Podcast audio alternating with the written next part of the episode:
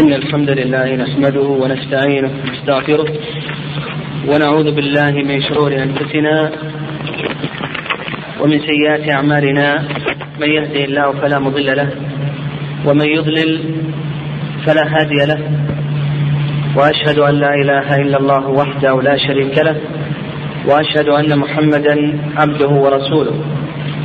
وبعد فسلف لنا في الدرس السابق. أن تطرقنا لشيء من النوازل المتعلقة بالزكاة. فمن ذلك ما يتعلق بزكاة الصناديق الاستثمارية. وكذلك أيضا ما يتعلق بزكاة المصانع. وكذلك أيضا ذكرنا هل يجوز حفر الآبار من الزكاة أو لا؟ وهل يجوز شراء بيت أو سيارة للفقير من الزكاة أو لا؟ وتكلمنا أيضا عن العاملين على الزكاة وهل يجوز صرف رواتب للعاملين على الزكاة في الجمعية الخيرية؟ من أموال الزكاة أو أن هذا غير جائز. وذكرنا ما المراد بالعاملين وأن العلماء رحمهم الله اختلفوا في تفسير العاملين على رأيين. ثم بعد ذلك انتهينا إلى أن العاملين على الزكاة ينقسمون إلى ثلاثة أقسام.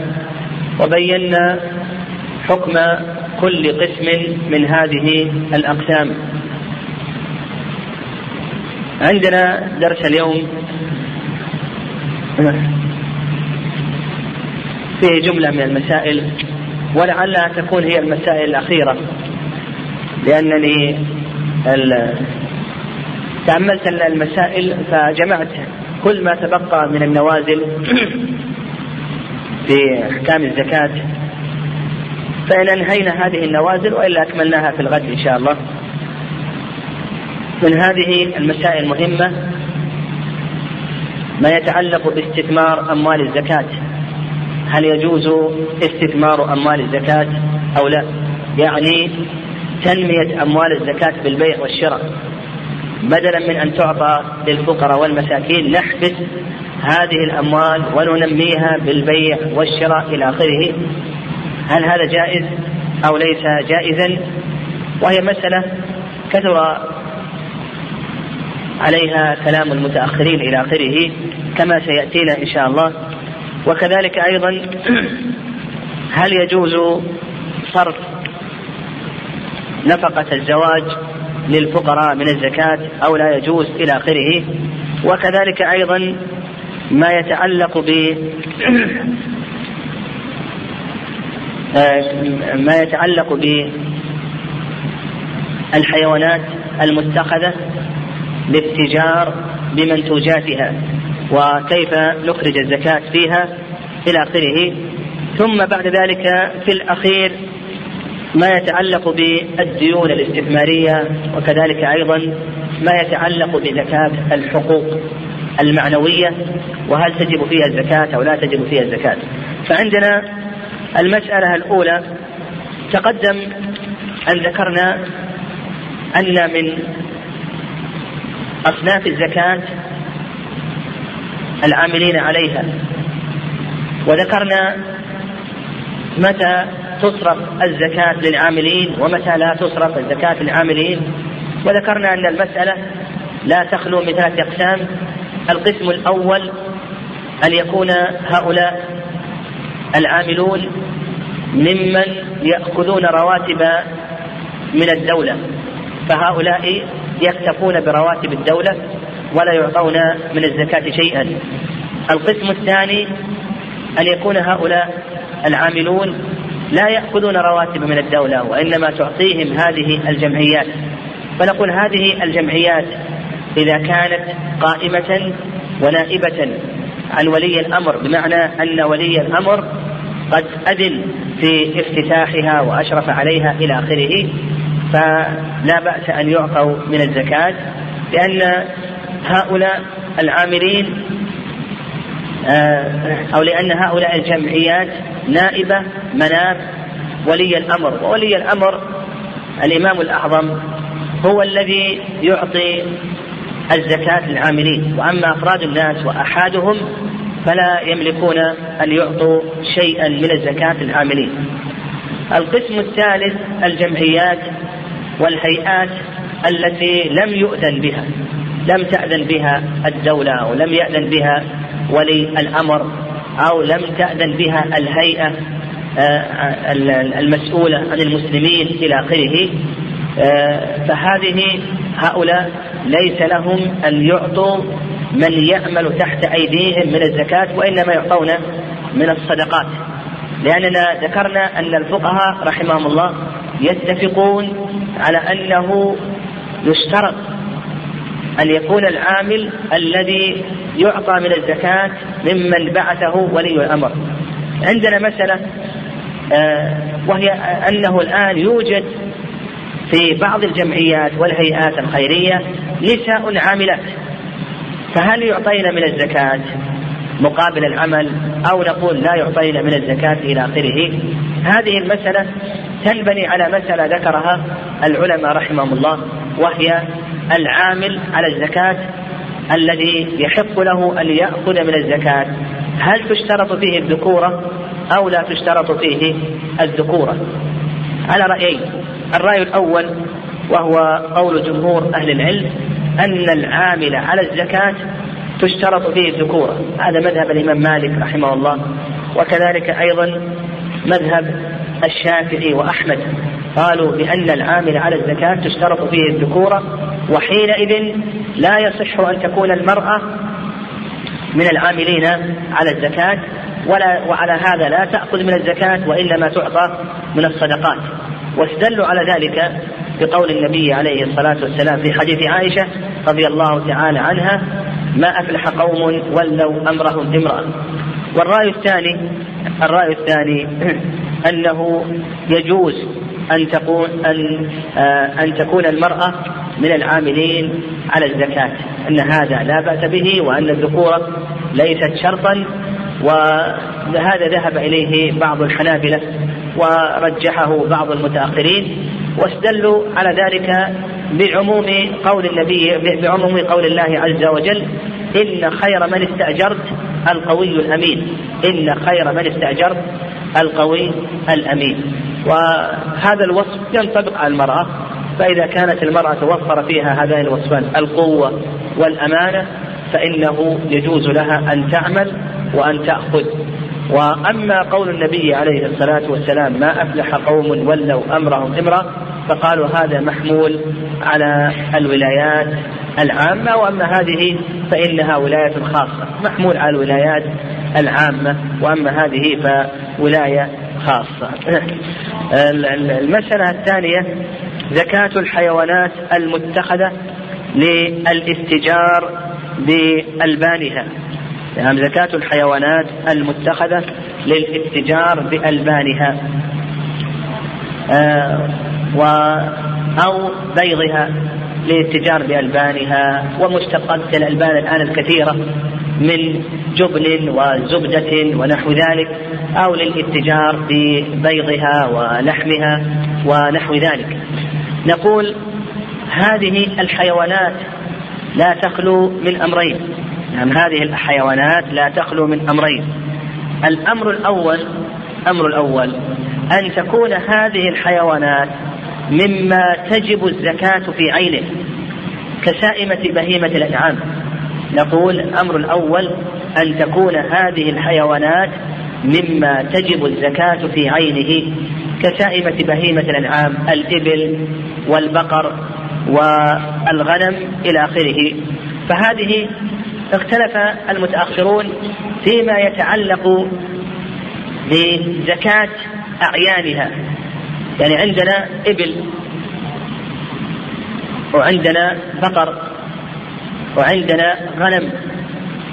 اتخذت هذه الأشياء للبنها ومنتجات الألبان. اتخذت للبنها ومنتجات الألبان كما هو موجود الآن في الشركات الكبيرة آه، التي تعنى بمثل هذه الأشياء شركات الألبان ونحو ذلك. فنقول القسم الأول أن تكون هذه الحيوانات مما تجب الزكاة في عينه كسائمة بهيمة الأنعام إلى آخره. فهذه اختلف فيها العلماء المتأخرون على أقوال. أهم هذه الأقوال قولان. أهمها قولان. القول الأول أن الزكاة تجب في أعيانها ونتاجها جميعا. القول الأول أن هذه أن الزكاة تجب في أعيانها وكذلك أيضا تجب في منتجاتها. أما الأعيان فتجب فيها الزكاة زكاة سائمة وأما المنتجات فتجب فيها الزكاة زكاة تجارة يعني ربع العشر. وسيأتي بيانه إن شاء الله. وقالوا بأنها أن أن هذه الحيوانات الآن أصبحت أما كونه تجب الزكاة في أعيانها لكونها سائمة وأما كونها تجب الزكاة في آه، منتجاتها آه، لكونها الآن أصبحت عروض تجارة. الرأي الثاني أصبحت مال يقصد به التجارة. الرأي الثاني أن هذه الحيوانات تجب الزكاة في نتاجها دون أعيانها. يعني تجب الزكاة في النتاج دون دون العين. أما العين فإن الزكاة لا تجب فيها. الزكاة لا تجب فيها. أما النتاج فإنه نعم لا, لا, لا هو الرأي الأول. قلنا بأنه تجب الزكاة في أعيانها وفي نتاجها. أعيانها تزكى زكاة سائمة ونتاجها يزكى زكاة عروض تجارة. الرأي الثاني تجب الزكاة في الجميع عروض تجارة الأعيان والنتاج. الرأي الثاني تجب الزكاة في الجميع عروض تجارة الأعيان والنتاج. والذين قالوا تجب الزكاة في الأعيان سائمة قالوا لكونها سائمة الأدلة العامة في وجوب زكاة السائمة في كل أربعين شاة شاة. وتجب الزكاة في المنتجات لأن لأن المنتجات هذه أصبحت أموال تقصد للتجارة. والذين قالوا بأنه تجب الزكاة في الأعيان والمنتجات زكاة تجارة يجب فيها ربع. العشر قالوا بأن هذه الأعيان الآن أصبحت تجارة. هذه الأعيان أصبحت الآن تجارة ويقصد بها المال. والصواب في هذه المسألة الصواب في هذه المسألة نقول بالنسبة للزكاة آه، لا تخلو من أمرين. الأمر الأول الأمر الأول زكاة الأعيان. الأمر الأول زكاة الأعيان. الحيوانات ونحو ذلك. فهذه إن كانت سائمة ترعى المباح فتجب فيها زكاة سائمة إلا على رأي الإمام مالك رحمه الله فإن الإمام مالك رحمه الله يوجب الزكاة في المعلوفة يعني يوجب الزكاة في المعلوفة فنقول القسم الأول ما يتعلق بالأعيان من الحيوانات ونحو ذلك. فنقول هذه الأعيان الحيوانات إلى آخره التي يستفاد من نتاجها كالبقر الذي يستفاد من لبنه أو الغنم الذي يستفاد من لبنه ومشتقات الألبان والإبل أو الدجاج الذي يستفاد من بيضه. آه إن كانت سائمة ما عدا الدجاج لأن الدجاج حتى ولو كان في في أخذ أكل المباح لا تجب الزكاة في عينه. فنقول ما يتعلق بالإبل والبقر والغنم إن كانت سائمة ترعى المباح فهذه فيها زكاة السائمة وإن كانت ليست سائمة وإنما صاحبها يعلفها فهذه لا زكاة فيها إلا إن كانت معدة للتجارة للبيع والشراء فتجب فيها زكاة تجارة. أما بالنسبة لمنتجاتها من ألبان ونحو ذلك فنقول تجب الزكاة في هذه الألبان إذا بيعت وحال الحول على ثمنها. هذه المنتجات من ألبان وجبن وزبدة ونحو ذلك فنقول هذه تجب الزكاة في هذه المنتجات إذا بيعت وحال الحول على ثمنها. وإذا كان يشق عليهم أصحاب هذه الشركات أن يعرفوا متى حال الحول على هذا الثمن ومتى حال على هذا الثمن فإنهم يحددون يوما كما قلنا في الرواتب الشهرية يعينون يوما من السنة يخرجون فيه يخرجون فيه آه الزكاة. وحينئذ ما حال عليه الحول فقد أدوا زكاته وما لم يحل عليه الحول فقد عجلوا زكاته وتعجيل الزكاة عند جمهور أهل العلم جائز ولا بأس به.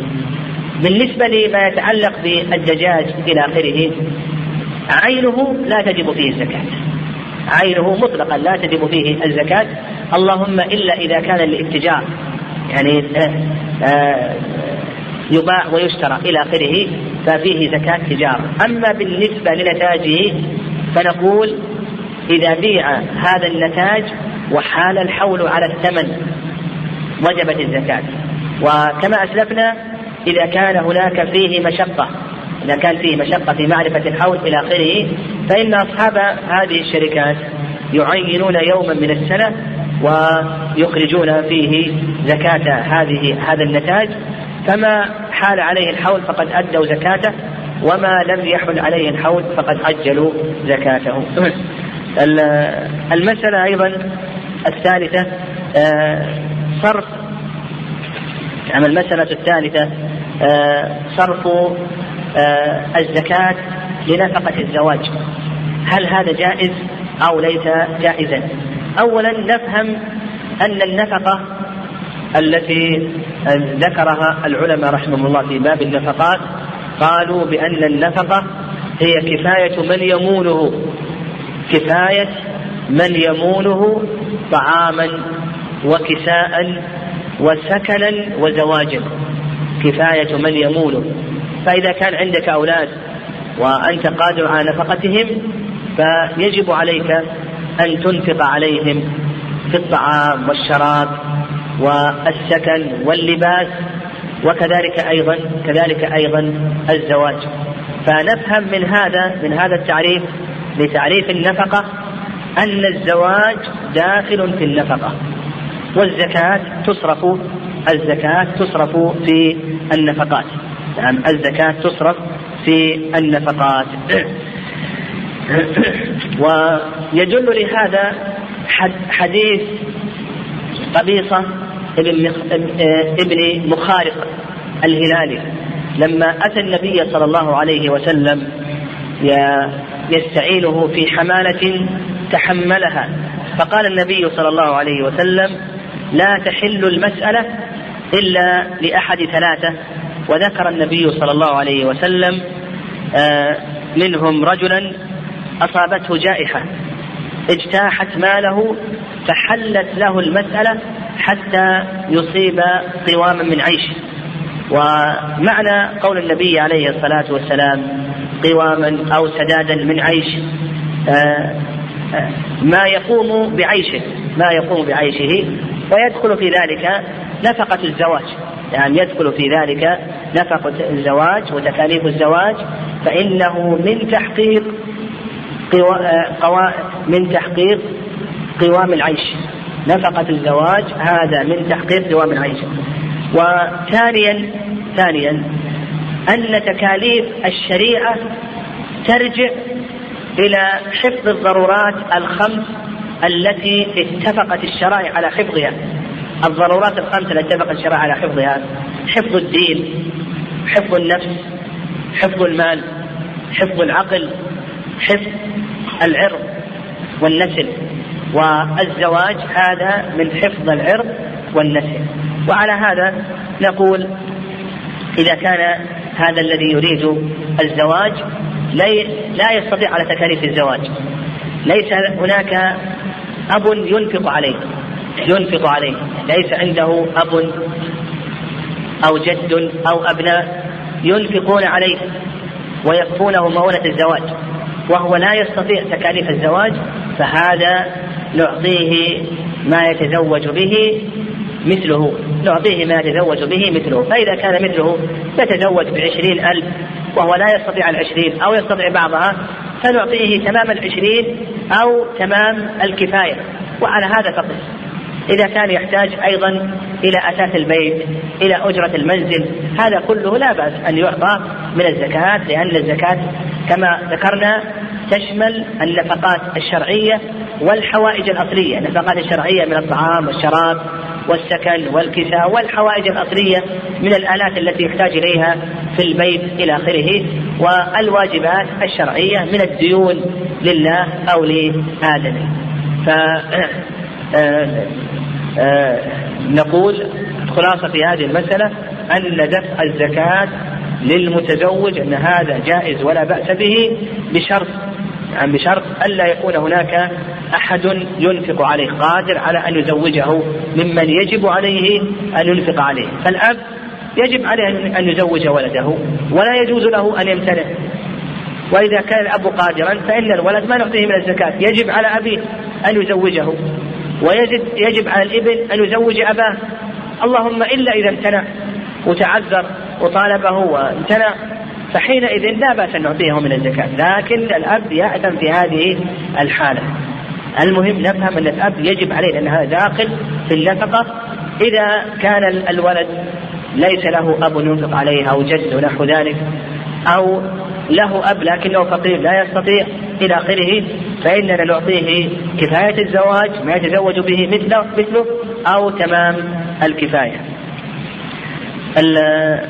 عندنا أيضا المسألة الرابعة ما يتعلق باستثمار أموال الزكاة. يعني المسألة الرابعة ما يتعلق باستثمار أموال الزكاة يعني تنمية أموال الزكاة بالبيع والشراء إلى آخره. الاستثمار في اللغة طلب الثمر. يقال ثمر الرجل ماله إذا كثره وأما في الاصطلاح أما في الاصطلاح فاستثمار أموال الزكاة طلب الحصول على الأرباح المالية عن طريق المضاربة بأموال الزكاة. نقول في الاصطلاح استثمار أموال الزكاة طلب الحصول على الأرباح المالية عن طريق عن طريق المضاربة بأموال الزكاة. استثمار أموال الزكاة من قبل المؤسسات الخيرية والهيئات الإغاثية ونحو ذلك هل هو جائز؟ أو ليس جائزا إلى آخره. نقول في الجملة استثمار أموال الزكاة ينقسم إلى قسمين. القسم الأول القسم الأول استثمار أموال الزكاة من قبل المزكي نفسه. هذا الرجل عنده مثلا مئة ألف ريال زكاة أو عنده مليون ريال زكاة. فأراد أن يبيع ويشتري بهذه الدراهم لكي يثمرها ويكثرها فهل هذا جائز أو ليس جائزا؟ إذا كان هذا من قبل المزكي نفسه. نقول هذه هذه المسألة تنبني على مسألة آه على مسألة آه أخرى ذكرها العلماء رحمهم الله وهي إخراج الزكاة. إخراج الزكاة. هل هو على سبيل الفور أو على سبيل التراخي؟ العلماء رحمهم الله في ذلك قولان. العلماء رحمهم الله لهم في ذلك قولان. القول الأول القول الأول أن إخراج الزكاة يجب على الفور وهذا ما عليه جمهور العلماء رحمهم الله تعالى. والرأي الثاني الرأي الثاني أن إخراج الزكاة آه، لا يجب على الفور وإنما يجوز على التراخي وهذا قال به أكثر الحنفية. الذين قالوا بأنه يجب آه، الذين قالوا بأن إخراج الزكاة يجب على الفور. استدلوا بأدلة. من أهم هذه الأدلة قول الله عز وجل وأقيموا الصلاة وآتوا الزكاة. وقالوا بأن الأمر بإيتاء الزكاة هذا مطلق. وأوامر الشارع المطلقة عند الأصوليين تقتضي ماذا؟ تقتضي الوجوب والفورية ما لم يكن هناك صارف أوامر الشارع الأصل فيها الوجوب والفورية ما لم يكن هناك خارج واستدلوا أيضا على ذلك بحديث عقبة بن الحارث رضي الله تعالى عنه. فإن النبي صلى الله عليه وسلم صلى العصر ثم بعد ذلك خرج مسرعا. ثم قال إني تذكرت تبرا من الصدقة قد خلفته. قال تذكرت تبرا من الصدقة قد خلفته. فكرهت أن أبيته. فالنبي صلى الله عليه وسلم أسرع في صرف هذه الصدقة. وأيضا أن حاجة الفقراء حاضرة. يعني حاجة الفقراء حاضرة وناجزة. وكذلك أيضا القياس على الصلاة. فكما أن الصلاة لا تؤخر حتى يأتي وقت الصلاة الأخرى فكذلك أيضا أن الزكاة أيضا لا تؤخر يجب عليه أن يبادر بها ولأن الإنسان أيضا لا يدري ما يعرض له في هذه الحياة قد ينسى قد يموت إلى آخره. والرأي الثاني قالوا بأن نعم قالوا بأن أن إخراج الزكاة لا يجب على الفور وقالوا بأن الأمر المطلق لا يقتضي الفورية. هذه علتهم وهذا غير مسلم. يعني هذا غير مسلم بل الأمر المطلق عن الصوارف هذا يقتضي الوجوب والفورية على الصحيح من أقوال أهل العلم رحمهم الله. والأدلة على ذلك كثيرة. يعني الأدلة على ذلك كثيرة. من ذلك حديث عائشة رضي الله تعالى عنها وحيثم سلمة حيثم سلمة لما أمر النبي صلى الله عليه وسلم في صلح الحديبة الصحابة رضي الله تعالى عنهم بأن آه، ينحروا ويحلقوا ويحلوا تأخروا. فغضب النبي صلى الله عليه وسلم مما يدل على أن الأمر يقتضي الفورية في حجة الوداع حيث عائشة لما أمر النبي صلى الله عليه وسلم كل من لم يسق الهدي أن يتحلل وأن يجعل إحرامه بالحج عمرة وتأخروا غضب النبي صلى الله عليه وسلم. وأيضا من حيث اللغة لو أن أحدا آه، أمر ولده أو غلامه أن يفعل شيئا ثم تأخر فإنه يحسن لومه على هذا. وعلى هذا نفهم إذا كانت الزكاة تجب على الفورية. نفهم من هذا أنه لا يجوز للمالك أن يثمر أموال الزكاة. لو قال أنا أريد أن أضارب بها عندي دراهم أريد أن أضارب وأنا وأشتري نقول بأن هذا غير جائز بل يجب عليك أن أن أن تبادر بصرف هذه الأموال إلى المستحقين. المسألة الثانية آه، استثمار أموال الزكاة من قبل الإمام. ومن ينيبه يعني من قبل الإمام. ومن ينيب؟ الإمام مثل الوزارات والجمعيات الخيرية التي آه، أنشئت بإذن الإمام وكذلك أيضا الهيئات الإغاثية إلى آخره. فهل يجوز لهؤلاء أن يستثمروا أموال الزكاة. العلماء رحمه الله المتأخرون في هذا اختلفوا على رأيين. على آراء لكن أهم هذه الآراء رأيان. الرأي الأول أن هذا غير جائز. نعم الرأي الأول قالوا بأن هذا غير نعم الرأي الأول قالوا بأن هذا جائز ولا بأس به. وهذا الرأي هو الذي انتهى إليه مجمع الفقه الإسلامي. يعني مجمع الفقه الإسلامي وكذلك أيضا لجنة الفتوى بوزارة آه، الأوقاف الكويتية. فعندنا مجمع الفقه الإسلامي انتهى إلى ذلك وكذلك أيضا لجنة الفتوى بوزارة الأوقاف الكويتية انتهوا إلى أن هذا جائز ولا بأس به واستدلوا على ذلك بأدلة. يعني استدلوا على ذلك بأدلة. أدلة كثيرة لكن أذكر أهم هذه الأدلة فأهم هذه الأدلة آه، قالوا بأن النبي صلى الله عليه وسلم وخلفاءه الراشدين كانوا يستثمرون أموال الصدقات من إبل ونحوها. فكان هناك أماكن خاصة تحمى لهذه الإبل لإبل الصدقة وتحفظ للرعي ترعى هذه الإبل إبل الصدقة ويستفاد من لبنها ونسلها إلى آخره. فقالوا بأن النبي صلى الله عليه وسلم وعمر حمى الربذة وكانت فيها إبل الصدقة وإبل الصدقة كانت ترعى. وهذا نوع من الاستثمار لأنها يتوالد منها النسل ويؤخذ منها اللبن إلى آخره. هذا نوع من الاستثمار. الدليل الثاني يستدل بحديث أنس رضي الله تعالى عنه. حديث أنس رضي الله تعالى عنه أن رجلا من الأنصار أتى النبي صلى الله عليه وسلم يسأله فقال النبي صلى الله عليه وسلم أما في بيتك شيء؟ فقال بلى. قال أما في بيتك شيء؟ قال بلى. حلس نلبس بعضه؟ ونبسط بعضه وقعب نشرب فيه الماء. فقال ائتني بهما قال ائتني بهما فأتاه بهما فأخذه رسول فأخذهما رسول الله صلى الله عليه وسلم فقال من يشتري هذين؟ يعني من يشتري هذين؟ وهذا الحديث أخرجه أبو داود والإمام أحمد وفيه ضعف الحديث لكن هم استدلوا بهذا. وش وجه الدلالة؟ وجه الدلالة أن النبي صلى الله عليه وسلم عمل في مال هذا الفقير. باع في هذا مال الفقير. وكذلك أيضا أموال الزكاة هي للفقراء.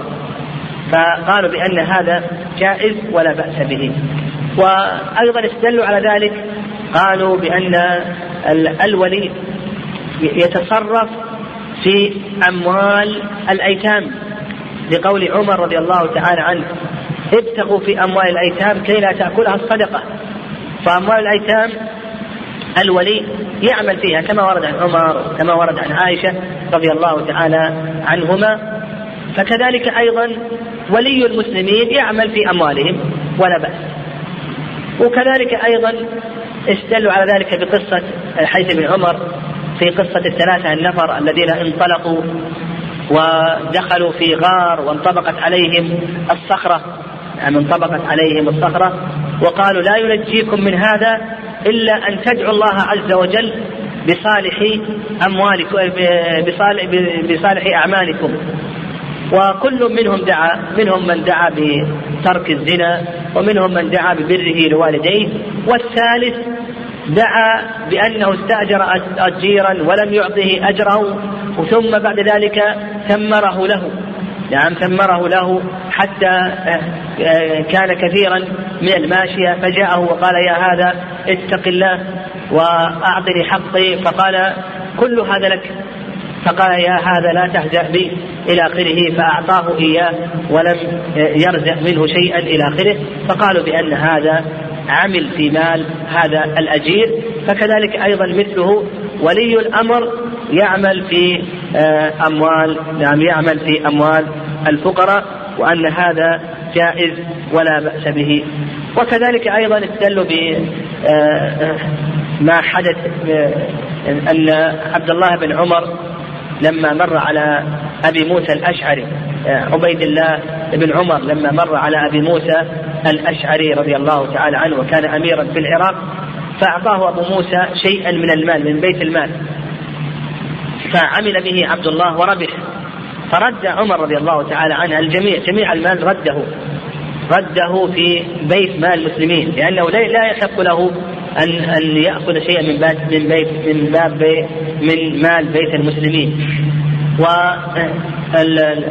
آه، وسأل عمر رضي الله تعالى عنه فأفتي على أن عبيد الله يأخذ النصف وأن بيت المال يأخذ النصف. فقالوا هذا عمل في مال بيت في مال بيت المال ومثله يقاس عليه العمل في أموال الفقراء إلى آخره. ونعم والقول الثاني نعم القول الثاني أنه لا يجوز حتى ولو كان من قبل الجمعية الخيرية التي أذن فيها الإمام أنه لا يجوز التصرف بالبيع والشراء آه، في أموال الزكاة. وهذا ما أفتت به اللجنة الدائمة للبحوث العلمية والإفتاء والدعوة والإرشاد بالمملكة وأيضا ما عليه شيخنا ابن عثيمين رحمه الله تعالى. واستدلوا على ذلك بأن الله عز وجل قال إنما الصدقات للفقراء والمساكين إلى آخره. فالآية حصرت. ليس هناك مصرف تاسع المصارف تعطى للفقراء تعطى للمساكين تعطى للعاملين تعطى للغالمين لابن السبيل إلى آخره. وليس هناك ليس هناك مصرف آه، تاسع. وأيضا قالوا بأن الزكاة هذه عبادة آه، عظيمة لها شروطها إلى آخره. ومن عمل عملا ليس عليه أمرنا آه، فهو رد إلى آخره. وأيضا قالوا بأن هذا يؤدي إلى تأخير الزكاة عن مستحقيها. وكذلك أيضا قالوا بأن هذا يؤدي إلى تعريض هذه الأموال إلى الخطر عند المضاربة بالبيع والشراء في هذه الأموال. ال ال ال آه وانتهى بعض ال ال ال نعم آه يعني من يجوز المضاربة يعني من يجوز المضاربة في أموال الزكاة من قبل هؤلاء الجمعيات التي أذن فيها؟ جعلوا لذلك ضوابط. نعم جعلوا لذلك ضوابط. الضابط الأول الضابط الأول مراعاة حاجة الفقراء والمساكين. مراعاة حاجة الفقراء والمساكين. فلا بد أن ألا يكون هناك وجوه صرف عاجلة. إذا كان هناك وجوه صرف عاجلة فإنه لا يجوز المضاربة. يعني هناك فقراء يحتاجون إلى الغذاء يحتاجون إلى الكساء فيجب أن تصرف هذه الأموال لهم أو تصرف لهم كفايتهم. والفاضل يضارب به. إذا لم يفضل شيء لا مضاربة. فنقول الضابط الأول ألا يكون هناك وجوه صرف عاجلة. آه، الضابط الثاني أن يتحقق أن يتحقق من الاستثمار مصلحة حقيقية بحيث أن الذي يغلب على الظن بسؤال أهل الخبرة أنه يربح. أما إذا كان يحتمل الربح ويحتمل الخسارة قالوا هذا لا يجوز. يعني من خلال التجربة أنه يربح. وبهذا نعرف أن الذين يعني أن ما يحصل من بعض الجمعيات أنهم يضاربون بأموال الصدقات أو الزكوات في الأسهم إلى آخره أن هذا محرم ولا يجوز. يعني أن هذا محرم ولا يجوز لأن مثل هذه الأسهم آه، عرضة للتلف. يعني عرضة للتلف. بخلاف عرضة للتلف دون مقابل. بخلاف ما إذا باع واشترى في بضائع قد تخسر لكن أحيانا هذه البضائع لا يزال باقيا فنقول الشرط الضابط الثاني ما ذكرنا. الضابط الثالث المبادرة إلى تنضيض المال عند وجود حاجة. يعني إذا وجد حاجة عاجلة للفقراء والمساكين فإنه يبادر إلى تنضيض المال. يعني إلى بيع هذه الأصول وقلبها إلى أموال. يعني هذه العروض التجارية يبادر إلى بيعها وقلبها إلى أموال تعطى للفقراء. والمساكين. والضابط الخامس كما تقدم أن يكون هذا العمل من ولي الأمر أو من ينيبه من الوزارات والجمعيات والهيئات آه، الإغاثية. والضابط الخامس أن يسند هذا العمل إلى ذوي الخبرة والأمانة والضابط الأخير السادس أن يكون ذلك في مجالات مشروعة دون أن يكون ذلك في مجالات محرمة. نعم هذا ما يتعلق بال نعم يتعلق باستثمار أموال الزكوات إلى آخره. زكاة جمعية الموظفين. هذه هي المسألة سبقا طرحناها وطرقناها قبل سنتين. يعني عندما تكلمنا عن جمعية الموظفين وهل هي جائزة أو ليست جائزة فإننا تكلمنا عن أقسام جمعية الموظفين وذكرنا كلام أهل العلم رحمهم الله في هذه المسألة وتكلمنا أيضا عن كيفية زكاة جمعية الموظفين. فلا حاجة إلى أن نعيد الكلام فيها مرة أخرى. كذلك أيضا من النوازل التي يتكلم عليها العلماء رحمهم الله تعالى. ابن السبيل ابن السبيل هو المنقطع. يعني ابن السبيل هو المنقطع وهو من أهل الزكاة. فيعطى من الزكاة ولو كان غنيا ولو كان غنيا يعطى من الزكاة. ويعطى من الزكاة ما يوصله إلى الغرض الذي قصده وما يرجعه إلى بلده. نعطيه من الزكاة ما يوصله إلى الغرض الذي قصده وكذلك أيضا ما يرجعه إلى بلده. فابن السبيل هذا كما تقدم يعطى من الزكاة لكن قال العلماء رحمه الله قيمة الإركاب هل نعطيه قيمة عالية؟ لأن الركوب في هذه وسائل النقل الآن يختلف. وسائل الركوب في وسائل النقل هذا يختلف. فهل نعطيه آه، قيمة عالية أو قيمة متوسطة أو آه، قيمة آه، أدنى إلى آخره؟ قالوا هذا يرجع إلى حال الشخص.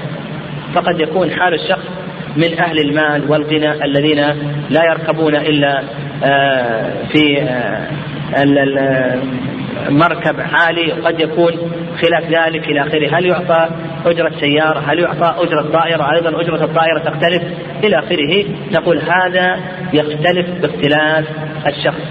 يختلف باختلاف الشخص، فإذا كان من عامة الناس فقرائهم هذا نعطيه السيارة، وإذا كان له من الأغنياء الذين يركبون الطائرة فهذا نعطيه الطائرة وكذلك أيضا نعم وعلى هذا فقس بقي عندنا آه، مسألتان. المسألة ما قبل الأخيرة وهي زكاة الحقوق المعنوية. زكاة الحقوق المعنوية. آه، بسبب آه، تطور التجارات وتوسعها وكثرة المال بأيدي الناس ظهر ما يسمى بالحقوق المعنوية وهذا في مجال التجارة وفي غيره لكنه في في مجال التجارة أظهر أظهر من غيره آه، الحقوق المعنوية آه، تحتها مسائل.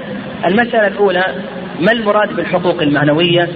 والمسألة الثانية تكييف التكييف الشرعي للحقوق المعنوية. والمسألة الثالثة خلاف المتأخرين في زكاة الحقوق المعنوية.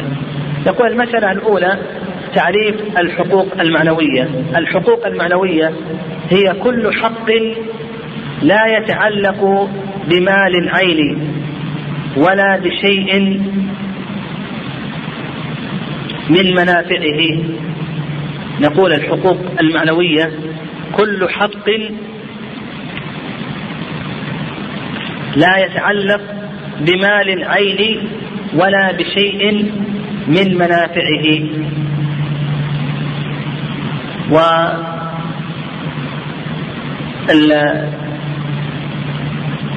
الحقوق المعنوية آه، من أمثلتها آه، في في الزمن السابق والحاضر مثل حق القصاص حق الولاية حق الطلاق إلى آخره. هذه حقوق معنوية. نعم هذه حقوق معنوية. فنقول كل حق لا يتعلق بمال عيني ولا بشيء من منافعه. من أمثلته في عصرنا الآن حق التأليف. حق التأليف. كذلك أيضا حق الاختراع. حق التأليف. كذلك أيضا حق الاختراع. كذلك أيضا حق الاسم التجاري. حق الاسم التجاري. وكذلك أيضا حق العلامة التجارية إلى آخره. فهذه حقوق معنوية. المسألة الثانية التكييف الشرعي لهذه الحقوق المعنوية. التكييف الشرعي لهذه الحقوق المعنوية.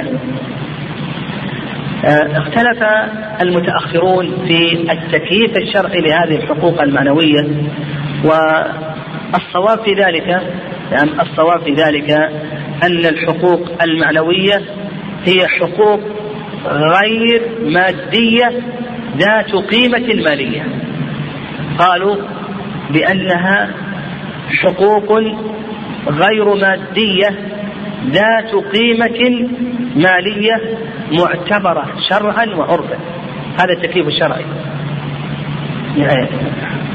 المتأخرون اختلفوا لكن الخلاصة في ذلك أن التكليف الشرعي للحقوق المعنوية أنها حقوق غير مادية ذات قيمة مالية وهذه القيمة معتبرة شرعا وعرفا ولها شبه كبير بالمنافع لها شبه كبير بالمنافع.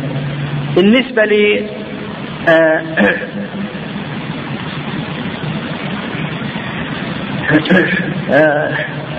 قبل أن ننتقل إلى الزكاة هل تجب الزكاة في هذه الحقوق المعنوية ولا تجب؟ أقرأ قرار مجمع الفقه الإسلامي قال الاسم التجاري والعنوان التجاري والعلامة التجارية والتأليف والاختراع والابتكار هي حقوق لأصحابها أصبح لها في العرف المعاصر قيمة مالية معتبرة لتمول الناس لها وهذه الحقوق يعتد بها شرعا فلا يجوز الاعتداء عليها فيتلخص لنا أن الحقوق المعنوية هي حقوق غير مادية ذات قيمة مالية وهذه القيمة معتبرة شرعا وعرفا ولها شبه كبير بالمنافع. هذه الحقوق اختلف العلماء رحمهم الله. هل تجب فيها الزكاة أو لا تجب فيها الزكاة؟ فالاسم التجاري قد يعاوض عليه. مثلا بمئة ألف ريال. الاسم التجاري. العلامة التجارية قد يعاوض عليها. الشركات الكبيرة نعم قد يعاوض عليها بكذا وكذا. حق التأليف قد يعاوض عليه إلى آخره. فهل تجب الزكاة في هذه الأشياء أو لا تجب فيها الزكاة؟ المتأخرون اختلفوا في هذه آه، المسألة على رأيين.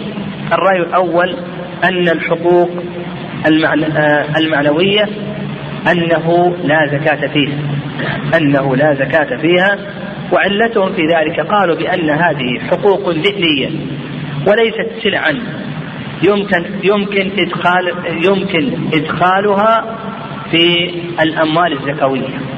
يعني الرأي الأول أن هذه الحقوق حتى ولو كانت تجارية مثل الاسم التجاري أو العنوان التجاري أو العلامة التجارية قالوا بأن هذه حقوق ذهنية وليست سلعا تدخل في الأموال الزكوية. ليست سلعا تدخل في الأموال الزكوية وحينئذ لا تجب فيها الزكاة. القول الثاني القول الثاني التفريق. يعني القول الثاني أنه يفرق فقالوا بأن الزكاة لا تجب في آه، حقوق التأليف والابتكار وإنما تجب الزكاة في حق الاسم التجاري والعلامة التجارية والعنوان التجاري. تفريق بين حق التأليف والابتكار والاختراع إلى آخره هذه لا تجب فيها الزكاة وما يتعلق بأمور التجارة تجب فيها الزكاة وهذا القول هو الأقرب يعني هذا القول هو الأقرب لأن الآن أصبحت هذه الأمور التجارية أصبحت في عرف الناس أنها من التجارة ويعاوض عليها إلى آخره فحينئذ نقول حق التأليف إلى آخره هذا لا تجب فيه زكاة آه، حق التأليف ونحو لا يجب فيه زكاة. وأما ما يتعلق بالعلامة التجارية والاسم التجاري ونحو ذلك نقول هذه داخلة في عروض التجارة وامتداد لها فيجب عليه أن يزكيها إذا عاوض عنها. فقيل في المسألة الأخيرة وهي ما يتعلق بالديون آه، الاستثمارية. يعني الديون الاستثمارية هل تنقص النصاب أو لا تنقص النصاب؟ هل تمنع وجوب الزكاة أو لا تمنع وجوب الزكاة؟ إلى آخره. والديون الاستثمارية هي الديون التي تؤخذ لتمويل مشروعات تجارية بقصد التكسب وتنمية الأموال. الديون الاستثمارية هي الديون التي تؤخذ لتمويل مشروعات تجارية بقصد التكسب وتنمية الأموال. هذه المسألة تنبني على مسألة ذكرها العلماء رحمهم الله وهي الدين. هل يمنع وجوب الزكاة أو لا يمنع وجوب الزكاة؟ ولنفرض أن عندك مئة ألف في المصرف وعليك دين مئة ألف. هل نقول الزكاة تجب عليك أو نقول بأن الزكاة لا تجب عليك؟ هل نقول بأن الدين يقابل المال تسقط عنك الزكاة أو نقول لا تسقط إلى آخره. العلماء رحمهم الله لهم في هذه المسألة ثلاثة آراء. نعم لهم في هذه المسألة ثلاثة آراء. الرأي الأول وهو أوسع المذاهب مذهب الحنابلة وقالوا بأن الدين يمنع الزكاة. فإذا كان عندك مئة ألف وعليك دين مئة ألف لا زكاة عليك. إذا كان عندك مئة ألف وعليك خمسون ألف عليك زكاة كم؟ خمسين. عليك زكاة خمسين يقابل ذلك الشافعي رحمه الله. الشافعي يقول بأن الدين لا يمنع الزكاة. وهذا رأي الشيخ محمد التمير رحمه الله. فإذا كان عندك مئة ألف وعليك دين يساوي آه، مئة ألف تزكي على المئة الألف. الرأي الثالث رأي الإمام مالك رحمه الله وهو التفريق بين الديون الظاهرة والديون الباطنة فقال بأن الدين لا يمنع الزكاة. الدين لا يمنع الزكاة في الأموال الظاهرة وهي زكاة الإبل والغنم والزروع والثمار ويمنعه في الأموال الباطنة. يمنعه في الأموال الباطنة وهي عروض التجارة والذهب والفضة وما يقوم مقامهما من النقدين. ولكل منهم دليل. نذكر مجمل الأدلة الذين قالوا بأن الدين يمنع الزكاة كما هو مذهب الحنابلة. استدلوا بقول عثمان رضي الله تعالى عنه عنه أنه قال هذا شهر زكاتكم فمن كان عليه دين فليؤده فقال من عليه دين؟ فبدأ بالدين. قبل الزكاة. قال من عليه دين. فدل ذلك على أن الدين يمنع الزكاة أو يسقط الزكاة أو ينقص الزكاة. وأيضا الحديث الضعيف من كان عليه ألف من كان عنده ألف درهم وعليه ألف فلا زكاة عليه. هذا ضعيف. الذين قالوا تجب الزكاة ولا تمنع. الذين قالوا تجب الزكاة والدين لا يمنعها استدلوا بالعمومات. خذ من أموالهم صدقة وهذا عنده مال الآن. وتؤخذ من أغنيائهم وترد على فقرائهم إلى آخره. والذين فرقوا بين الأموال الظاهرة والباطنة قالوا بأن النبي صلى الله عليه وسلم كان يبعث السعاة. والسعاة يأخذون زكاة المال الظاهر ولا يسألون أرباب المال. لا يسألون أرباب المال. هل عليهم ديون أو لا؟ يأخذون الزكاة من السائمة ويأخذون الزكاة من الزروع والثمار. ما كانوا يسألونهم هل عليهم ديون أو لا, أو لا مع أن أهل الزروع والثمار مظنة ماذا؟ مظنة الدين لأن الزروع والثمار بحاجة إلى الكلفة والمؤونة إلى آخره. آه، آه، بعض الباحثين انتهى إلى أنه لا بأس أن الدين يعني آه، توسط في المسألة. أن الدين يمنع الزكاة بشرطين. الشرط الأول أن يكون الدين حالا ليس مؤجلا. أن يكون الدين حال ليس مؤجلا. الشرط الثاني الشرط الثاني آه، آه، أن آه، نعم. الشرط الثاني أن يكون الدين ليس في الأمور الكمالية وإنما في الأمور الحاجية وليس عنده من الحوائج ما يقابل الدين. يعني شرطان. وهذا القول فيه توسط. يعني القول الأول أنه ماذا؟ أن يكون الدين حالا.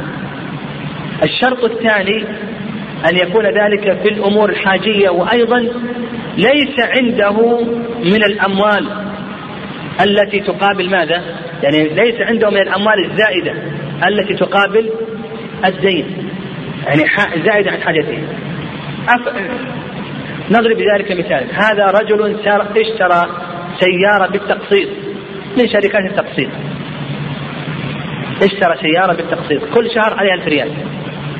الآن القسط الآن حل ألف ريال هذا الألف هل يمنع الزكاة ولا يمنع الزكاة؟ ها؟ أما أما الأقساط المؤجلة ما تمنع الزكاة الأقساط المؤجلة هذه ما تمنع الزكاة فإذا كان عنده مال هذه الأقساط المؤجلة نقول بأنها لا تمنع الزكاة لكن الذي يمنع الزكاة ما هو؟ هذا الألف القسط الذي حل يعني القسط الذي حل وأيضا نشترط لكي يمنع أن يكون هذا الشخص ليس عنده إلا أموره الأمور الحاجية. فإذا كان مثلا اشترى هذه السيارة وعنده سيارة ثانية زائدة يقول يجب عليك أنك تبيعها وسدد الدين الذي عليك. مثال آخر الآن صندوق التنمية العقاري. الإنسان عليه 300 ألف في صندوق التنمية العقاري. آه كل سنة يحل 9000 ريال. إذا حل الدين 9000 ريال نقول هذا القسط يمنع أما بقية المال ما يمنع وأيضا يمنع بشرط أن يكون الإنسان عنده ماذا؟ حوائجه الأصلية إذا كان عنده زائد على ذلك فإنه يجعله للدين. يجعله للدين. وهذا معنى قول النبي عليه الصلاة والسلام أن تكون الزكاة عن ظهر غنى. وبهذا نفهم أن الديون الاستثمارية التي لا تكون تتعلق بحاجات الإنسان الأصلية. مثلا يقترض مليون ريال أو عشرة ملايين ريال من البنك أو مثلا من البيون البنوك آه، التي تدفع مثل هذه الأشياء سواء كانت رسمية آه، تبع الدولة أو غيرها. ويريد بذلك أن ينمي الأموال إلى آخره أن هذه الديون لا تمنع الزكاة لأنها لا تتعلق بحوائج الإنسان الأصلية وإنما هي أمور كمالية. نعم أمور كمالية بإمكانه أن يتخلص منها. وبهذا ننتهي في الحقيقة. هذه آخر المسائل اللي كان في ذهني في واستطعت آه، أني أحصل عليها. هناك مسائل أخرى يعني يظهر أن ما نحتاج إليها كثيرا أو أنها طرقت في المسائل السابقة. فنكتفي بهذا. يعني وأما بالنسبة لمسائل الصيام فإن شاء الله العام المقبل بإذن الله كان في الحياة الفقية ونسأل الله عز وجل أن يجعل ما سمعناه حجة علينا لنا ولا يجعله حجة علينا وأن يرزقنا الفهم في كتابه والبصيرة في سنته. إنه ولي ذلك القادر عليه. نأخذ بعض الأسئلة حقيقة تأخرنا اليوم. آه، يقول آه، كيفية زكاة العلامة والاسم التجاري. نعم العلامة والاسم التجاري آه الاسم التجاري مثل اسم هذا المحل كذا وكذا. أن تطلب منه أنك تأخذ هذا الاسم لكن مقابل عشرة آلاف ريال. مقابل قد يكون مقطوع وقد يكون سنويا يعطيه هذا الآن موجود. يعني أنا أعطيك اسمي التجاري لكن تعطيني مثلا كل سنة عشرة آلاف ريال أو خمسة آلاف ريال مقابل ذلك.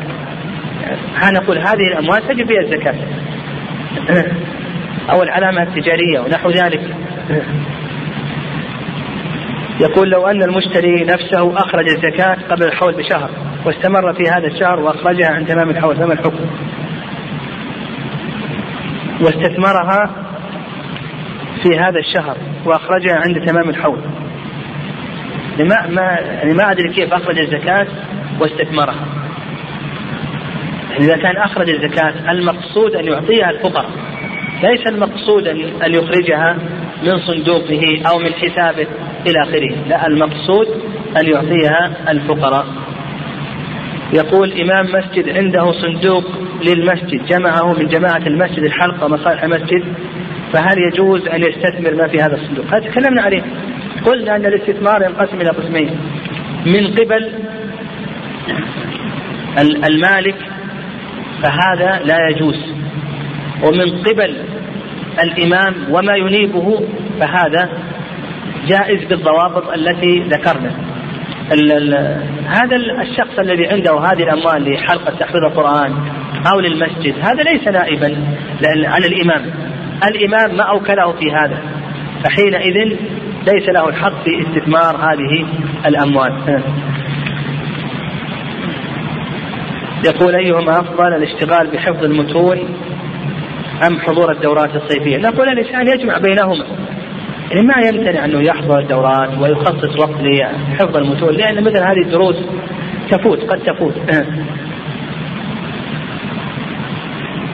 آه، يقول ذكرت بالأمس أنه لا بد أنه لا يجوز صرف العلاج للفقراء إلا بأقل المصحات تكليفا. إذا كان هناك مصحات بأغنى ثمن وأفضل لا هو هذا ذكرناه من الشروط أنه لا بد أن يكون ذلك بأقل المصحات ما دام أن هذه المصحة آه، ستقوم آه، اللازم من علاج هذا الفقير آه. يقول بلد غير إسلامي وفيه مسلمون أقيمت فيه جمعية خيرية لجمع الزكاة فهل يجوز للعاملين الأخذ من الزكاة أم لا؟ نعم. هذه يعني نحن قلنا العاملون يأخذون من الزكاة إذا كان لهم رواتب من الدولة ما يأخذون. إذا كانت هذه الجمعية قد أنيبت من قبل الإمام لا بأس أن يأخذوا. إذا كانت هذه الجمعية باجتهاد من القائمين عليها وليس من قبل الإمام ليس لهم أن يأخذوا. أيضا هذا السؤال هذا السؤال الحقيقة ما يدخل في هذه الأقسام الثلاثة؟ لأنه قد البلد يكون غير إسلامي. فنقول هنا لا بد أن يكون هناك هيئة إسلامية ترعى شؤون المسلمين. فإذا كان هناك هيئة إسلامية وأذنت في مثل هذه الجمعية فإنه لا بأس. نعم لا بأس. نقول لا بد أن يعمل هيئة وتنبثق عن هذه الهيئة الجمعيات الخيرية وحينئذ تكون كالجمعيات التي أذن فيها الإمام. يقول ما يستخرج من باطن الأرض عليه زكاة مثل البترول. تكلمنا عليه. تكلمنا عن الأموال العامة وأن الأموال العامة التي ليس لها مالك معين هذه لا زكاة فيها.